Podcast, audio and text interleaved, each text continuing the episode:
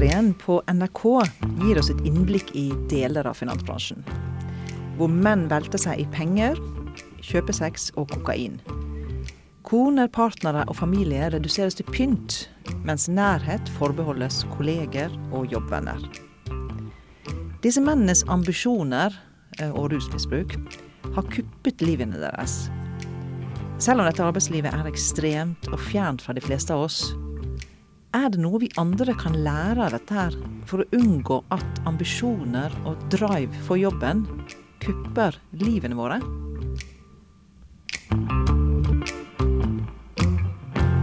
Velkommen til en ny episode av Snakk om jobb.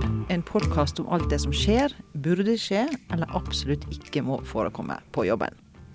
Jeg heter Lisa Wade og jobber som rådgiver innen ledelse, medarbeiderskap og organisasjonsutvikling. I dag har jeg besøk av eh, Sissel Gran, psykolog, parterapeut og forfatter av flere bøker om kjærlighet, forhold og menneskers liv.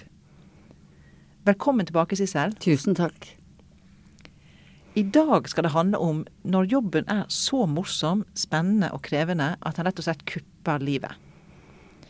Den tar så mye plass at det er lite rom og overskudd igjen til partner og familie. Er dette noe du kjenner igjen fra parterapien din, Sissel? Jeg gjør faktisk det.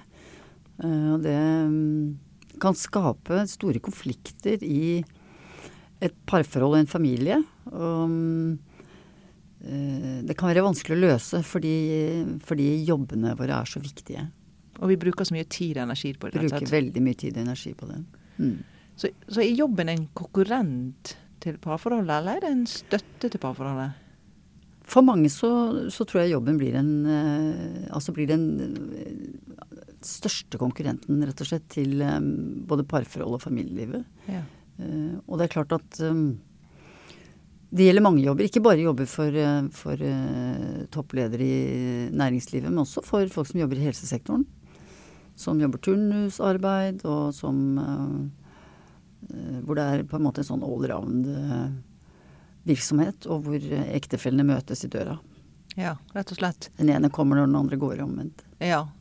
Så det handler både om på en måte at man kan ha ambisjoner, man kan ha en krevende jobb, eller man kan ha en vanskelig eh, altså turnus, eller ha en vanskelig ja. sånn, sånn mm. rytme, da. Mm. Så eh, og dette er jo en veldig løsningsorientert podkast, så vi skal komme tilbake til liksom mm. tips og råd etter hvert. Mm. Men jeg har lyst til at vi skal dvele litt med, med problemet. For dette, du, du, møter jo par eh, som, som, som, sliter da, med rett og slett å kombinere sitt vanlige liv, eller sitt, eh, sin familie- og fritidsliv, med, med, det som jobben krever av dem, eller det de har lyst til å gi på jobben. Mm.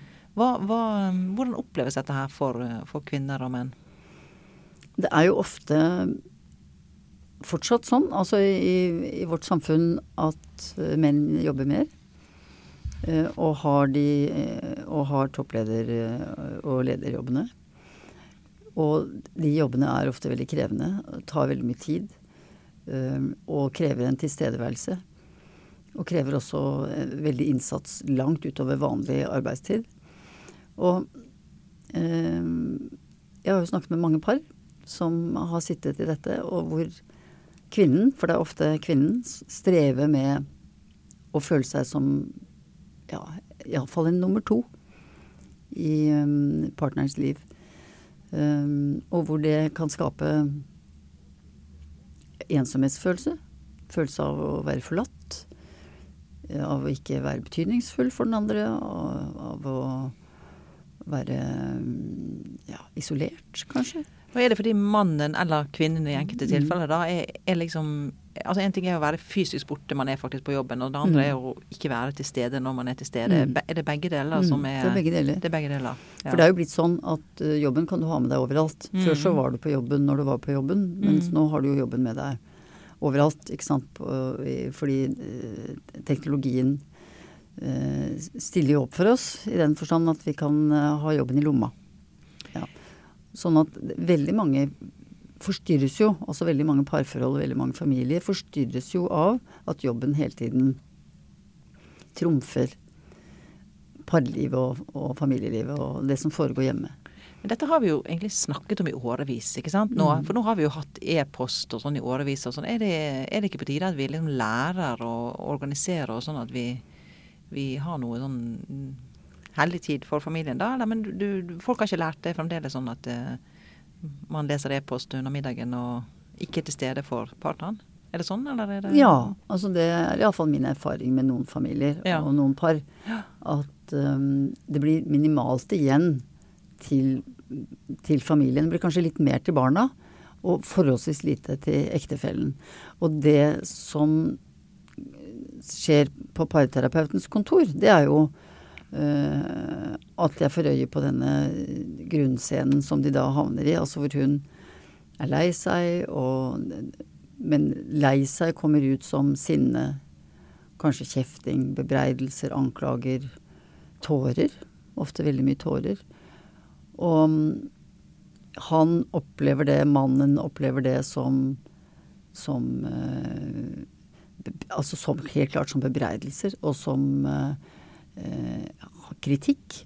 Og um, han opplever det som urettferdig, fordi hans innsats på jobben er stor også for familiens skyld. Ja, for dette han er kanskje ja. hovedforsørger, da? Ja, ofte det. Mm. Ikke alltid, men ofte det. Ja. Uh, og det kan oppleves urettferdig at hun ikke forstår at dette gjør jeg også for vår skyld, også for familiens skyld, for at vi skal ha det bra, for at vi skal ha det trygt økonomisk og sånn. Men det som er veldig vanskelig for de to, som det er for alle andre par som strever i denne grunnscenen eller rundløypa som de havner i, det er jo det at uh, han ikke forstår at hennes tårer eller bebreidelser eller anklager egentlig er et uttrykk for forlatthetsfølelse, sorg over å ikke lenger være nær mannen. Og en opplevelse at hun ikke lenger betyr noe for han. Altså at hun ikke er viktig lenger. Og det skaper frykt i henne. Men det kommer ut reaktivt, som vi kaller det. Da. Det kommer ut med, med sånne, de følelsene som dekker over de virkelige følelsene. F.eks. sinne. da. Altså hun kjefter, ja. men, det er egentlig, ja, kan, men det er egentlig kjærlighet? Egentlig, egentlig, er det kjærlighet. Egentlig er det et behov for å komme nær. ikke sant? Egentlig er det et uttrykk for savn. Men den måten savnet kommer til uttrykk på, blir oppfattet som, en, som et angrep. Og hun på sin side igjen forstår jo ikke at hans da tilbaketrekning, altså for det skjer ofte en da tilbaketrekning, enten et veldig sånn forsvar, sånn kjefting tilbake eller en forsvarsholdning. At hun misforstår, ikke forstår noen ting osv. Eller taushet. Altså som 80% av de mennene som reagerer med taushet i Eller av de som reagerer med taushet i, i, i, i, konfliktsituasjoner, er faktisk menn. Det viser jo John Gottmans lange og solide parforskning. John Gottman er jo en, av de mest anerkjente ja. forskeren innenfor sånn parterapi. Eller par, parforhold. Parforhold, ja. ja. Riktig. Så, men det han jo strever med eh, på sin side, som, som, utforskes i en parterapi, men som jo er helt umulig for folk å forstå på hjemmefronten, det er at han kan være skuffet altså, over at hun ikke ser han, at hun ikke ser hans innsats, og han kan føle seg eh, eh fortvilet over den situasjonen som har oppstått. Og han kan også føle at hun opplever at han ikke duger, egentlig, på hjemmebane. Og så under der kan også ligge for han en forlatthetsfølelse og kanskje en skamfølelse over å være en mann som blir kjeftet på og som ikke blir satt pris på. For dette kan være en mann som eh, har en skikkelig linjal i ryggen. Ja, for dette er, for hvis, dette er jo en, en, Hvis vi ser på denne typen, da, om det er mm. mann eller kvinne er jo, Vi snakker ofte om flinke, flinke damer, flinke kvinner eller flinke, flinke jenter. Piker. Flinke pinker er det visst. Ja. ja. Men det er jo mange flinke gutter der ute òg. Mange flinke gutter. Som er, ja. er ambisiøse, energiske, hardtarbeidende. Ja ønsker det beste for jobben. De er ledere, de ønsker det beste for alle sine medarbeidere. Entusiastiske og Og det beste for sin familie. Ja. De vil følge barna opp og gå på fotballkamp og ditt og datt og, og, sånn. Og så, så kommer det liksom eh, mot slutten av uken, og så er det ikke så mye igjen til kona nei, eller nei. partneren, da. Mm. Og det er jo, det du beskriver nå, det er jo nærmest et karaktertrekk. Og det er jo iallfall så er det noe mange av disse lederne som har, veldig, som har topplederstillinger f.eks., de har jo dette med seg. Altså at de skal bevise noe. Eh, det er en kombinasjon ofte av å skulle bevise noe og virkelig være dugelige, men også et uttrykk for masse energi og masse entusiasme. Ja. Og det er vanskelig å få kritikk for et nærmest karaktertrekk, da, for å si det sånn. Um, ja, og så er det jo vanskelig for altså, Hvis jeg skal leve meg inn i denne karakteren, mm, da, og det, mm, det, er sikkert en mm. del kvinner der også, så er det liksom at you can't win. Altså Uansett hva du gjør, så blir det feil. Det blir feil. Altså Hvis du da ikke, så får du klage på jobben, vet du. For det, sånn, og, og, og, eh, Men, eh, men eh, noen kvinner ser vel mannens skvis, ikke sant? Altså Er det det? Eller noen partnere ser den andre skvis i dette her? Jo, det er riktig. Legg merke til jeg prøver å være litt sånn politisk korrekt jo, nå hele tiden. Ja, men det, det, er veldig sant. men det er, fremdeles, det er nok fremdeles sånn at dette er mest ja. menn som har den rollen, sier ja, du? Ja da, det er det. Det er fortsatt det. Det er ikke noe å, mm. å legge liksom Det er ikke noe å, å skjule, altså, at det faktisk er det. Um, og hva det kommer av, altså det er jo fordi at menn har alltid vært eh, altså, ansporet til å yte voldsomt og til å konkurrere. Mm. Og til å mm, være best. Eh, og være flinke og stå på og, og vinne.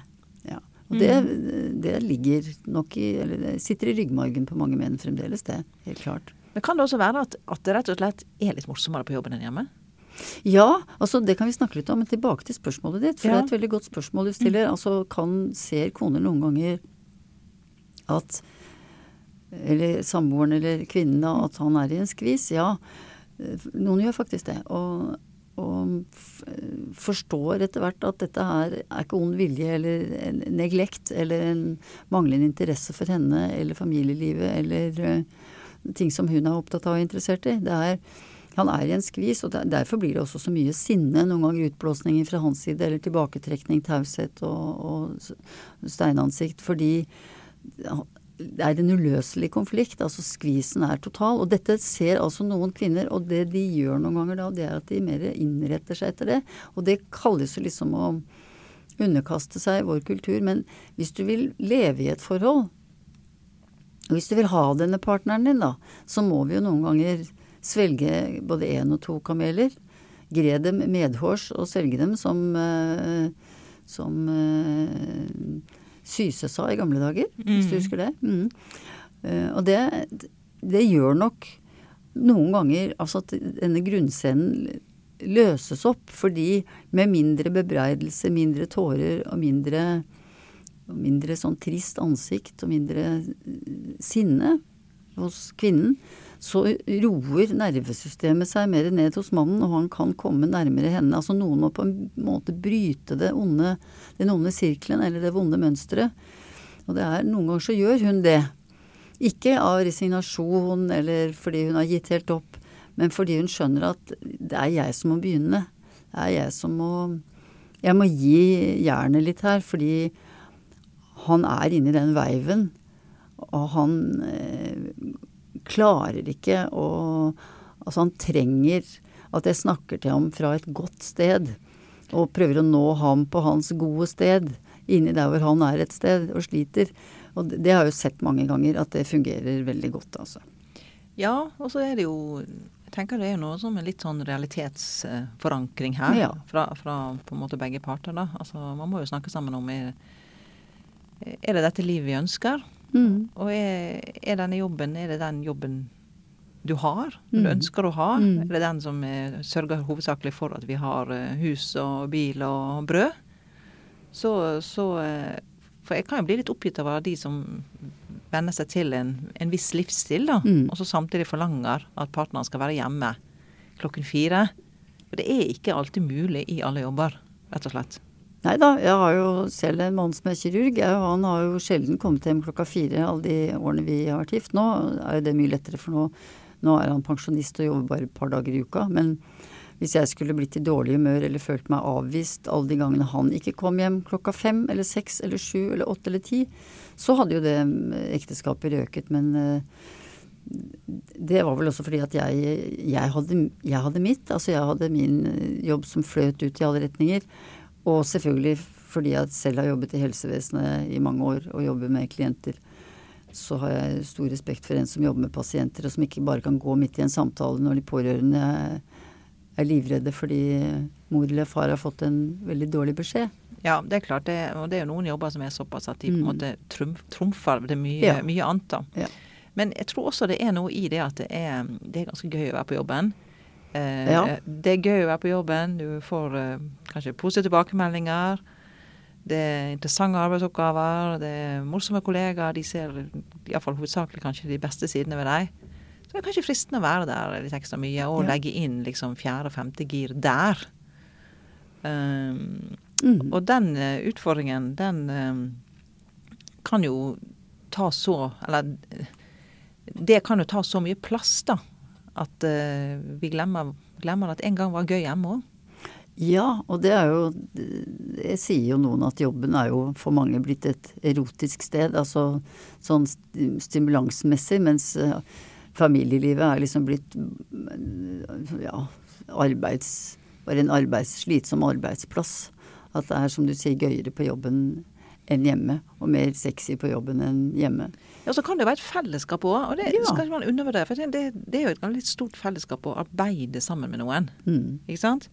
Så, så, eh, så da lurer jeg litt på hvor, hvor går disse grensene? For man kan, ha, kan jo ganske, komme ganske nær kolleger. Ja. Nå mener jeg ikke liksom nødvendigvis sånn fysisk nær, men jeg mener mentalt nær. Altså, Ja. Man føler at den er den nærmeste. Skjønner hva jeg snakker ja, om. absolutt. Ja, riktig. Som skjønner hva du mener, og skjønner hvor du er, som kjenner deg og Ja, Jo, det er mye dopamin, vet du, på der hvor det gode team eller gode kolleger får til noe på jobben. Det er jo mye Altså belønningssenter i hjernen tingler og går der, og det er ikke sikkert det er så mye dopamin og, og positivt adrenalin i heimen. Kanskje snarere tvert imot. Kanskje det synker eh, liksom som en stein i deg når du kommer hjem.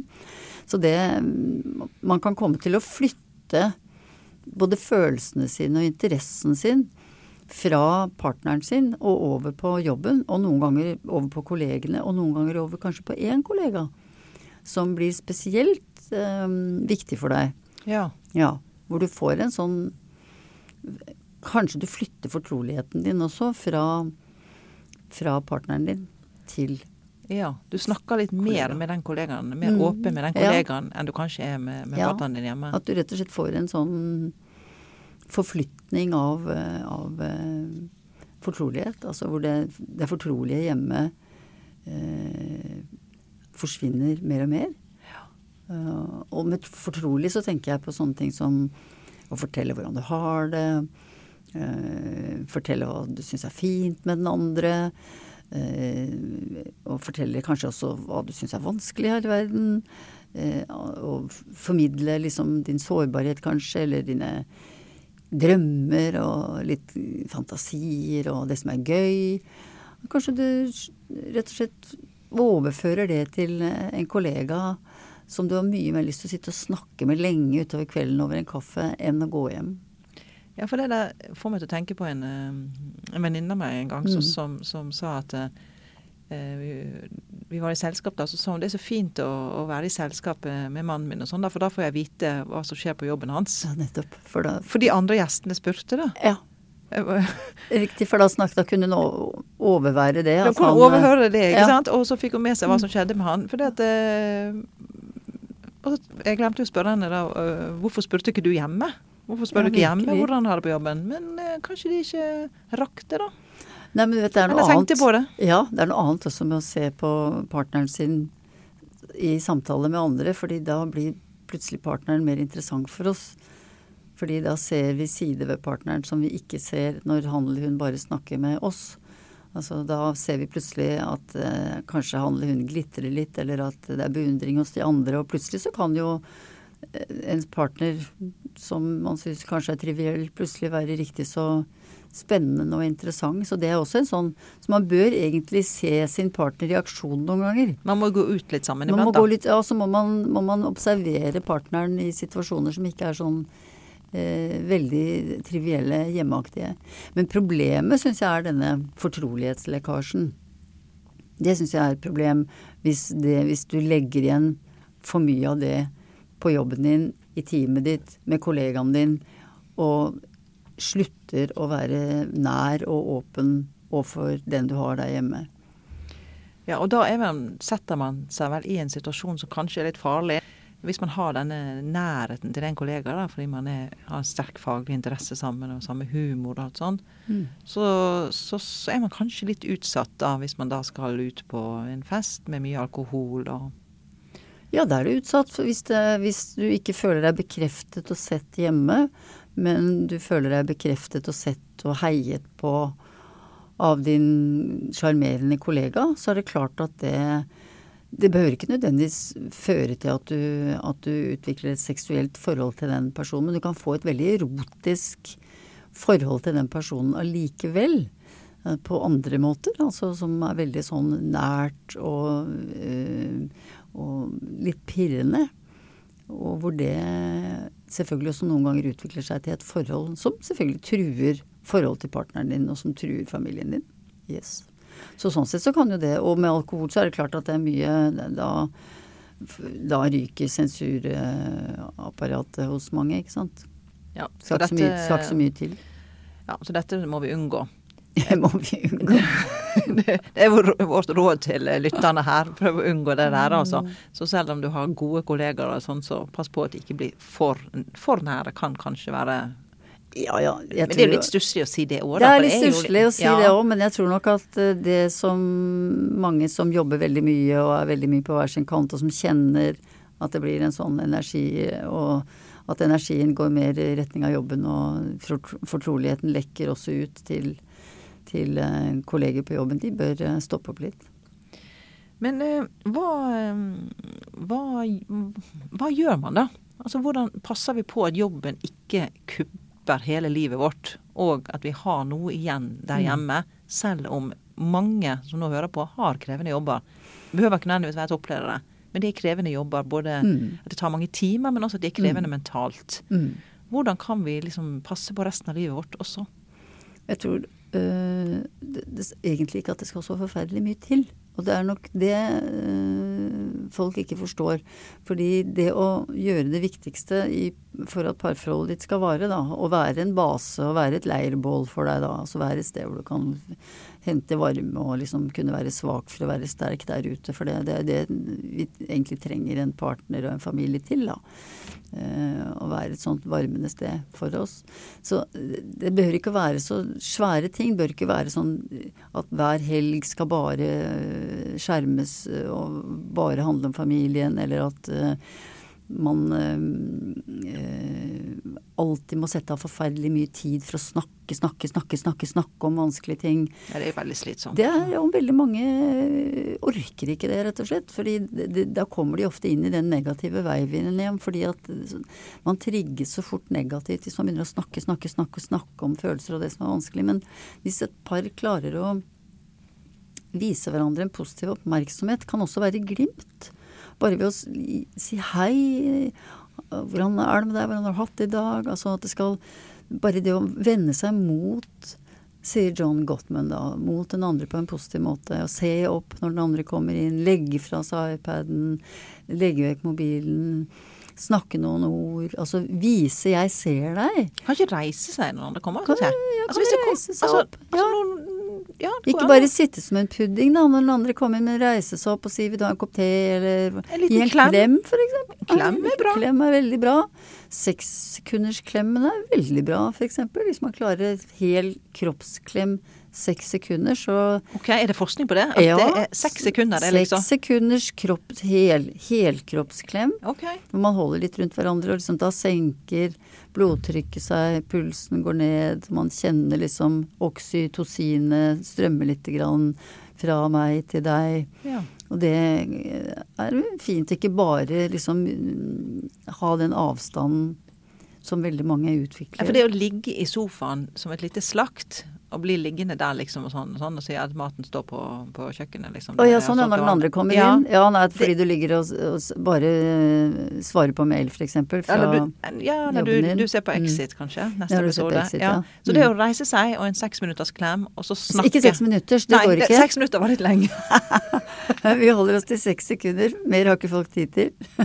Jeg tror det er fint. Og så er det der å virkelig se hverandre når man ses, og når man ikke er sammen, når man er på reise eller sånn den som er på reise, og den andre også, Sørge for å sende en SMS, skype litt. Bare gi lyd fra seg og signalisere 'jeg er med deg', liksom. Fordi i et parforhold så skal du liksom Du blir en del av den andres selv i et parforhold, på godt og vondt.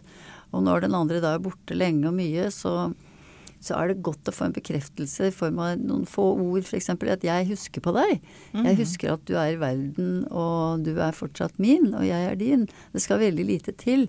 For jeg tror veldig mange roer seg da når de får den bekreftelsen. Men det er når den uteblir veldig mye, og man merker at den andre er distré til stede, og egentlig et annet sted, at mange får en veldig opplevelse av ensomhet og frykt. Ja, det skjønner jeg. Så det, ja. Men så er det vel noe med å rett og slett være litt interessert i den andres mm. arbeidsliv også. Selv om mm. man har vært sammen i årevis, ja, ja. og vi har hørt om han er sjefen, og vi har hørt om han håpløse der og sånn. Men vi hører det en gang til. Vi hører det en gang til. Og da hører vi noe nytt, kanskje. Og vi, eh, vi, er flinke da til å ikke gi råd hele tiden, men da er vi flinke til å si å, søren. Ok, så da var det ikke så greit å være deg, nei, gitt. Eller ja, jeg skjønner hva du mener. Eller det beste er jo da, syns jeg, hvis sjefen har, vært, sjefen har vært forferdelig mot deg, så er jo det beste å si at uh, jeg skal drepe sjefen din. Men det, vi gjør jo ikke det. Men altså å komme med dårlige råd som det er ikke noe å bry seg om, eller nei, det hadde jeg ikke brydd meg om hvis jeg var deg. Altså det er ikke et godt Det er ikke en eh, god replikk til en som kanskje kommer hjem og er litt lei seg, da. Nei, og, og liksom overta styringen og så ordne opp, på en måte. Mm. Ja, må, jeg tror det er bedre å speile den andre og reflektere litt rundt det sammen og Behøver ikke å bruke timevis på det, men altså vise interesse og være litt oppmerksom. Eh, og være hverandres støtte. Så det, det For jeg tror folk kan jobbe masse bare de opplever de kan jobbe masse på hver sin kant og stå på fælt og virkelig løpe der i hamsterhjulet. For det gjør jo folk i en fase i livet. Så løper de veldig i det hamsterhjulet. Men jeg tror at hvis de kan få en opplevelse av gjennom å gjøre sånne ting, at vi er et godt team tross alt.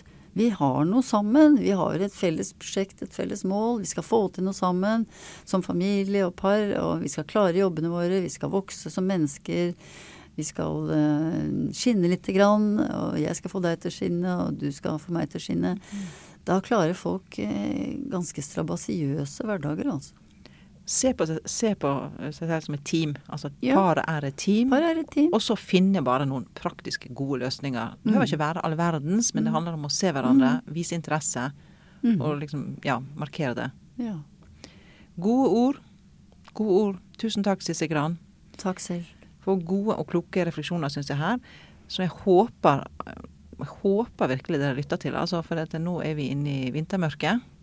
Og da, eh, da er det viktig å ta vare på alle deler av livet. Ikke bare arbeidslivet. Takk til deg som hører på. Hvis du liker det du hører, så foreslår jeg at du abonnerer på podkasten. Og dermed får du automatisk nye episoder av Snakk om jobb i postkassen din. Følg meg gjerne på Facebook, og sjekk ut min nettside lisaway.no. Jeg blir også veldig, veldig, veldig glad for uh, om du legger igjen en anmeldelse på iTunes. Og inntil vi høres, ha en energisk og fin arbeidsuke. Og ta med deg godfølelsen hjem til han eller hun som du er glad i.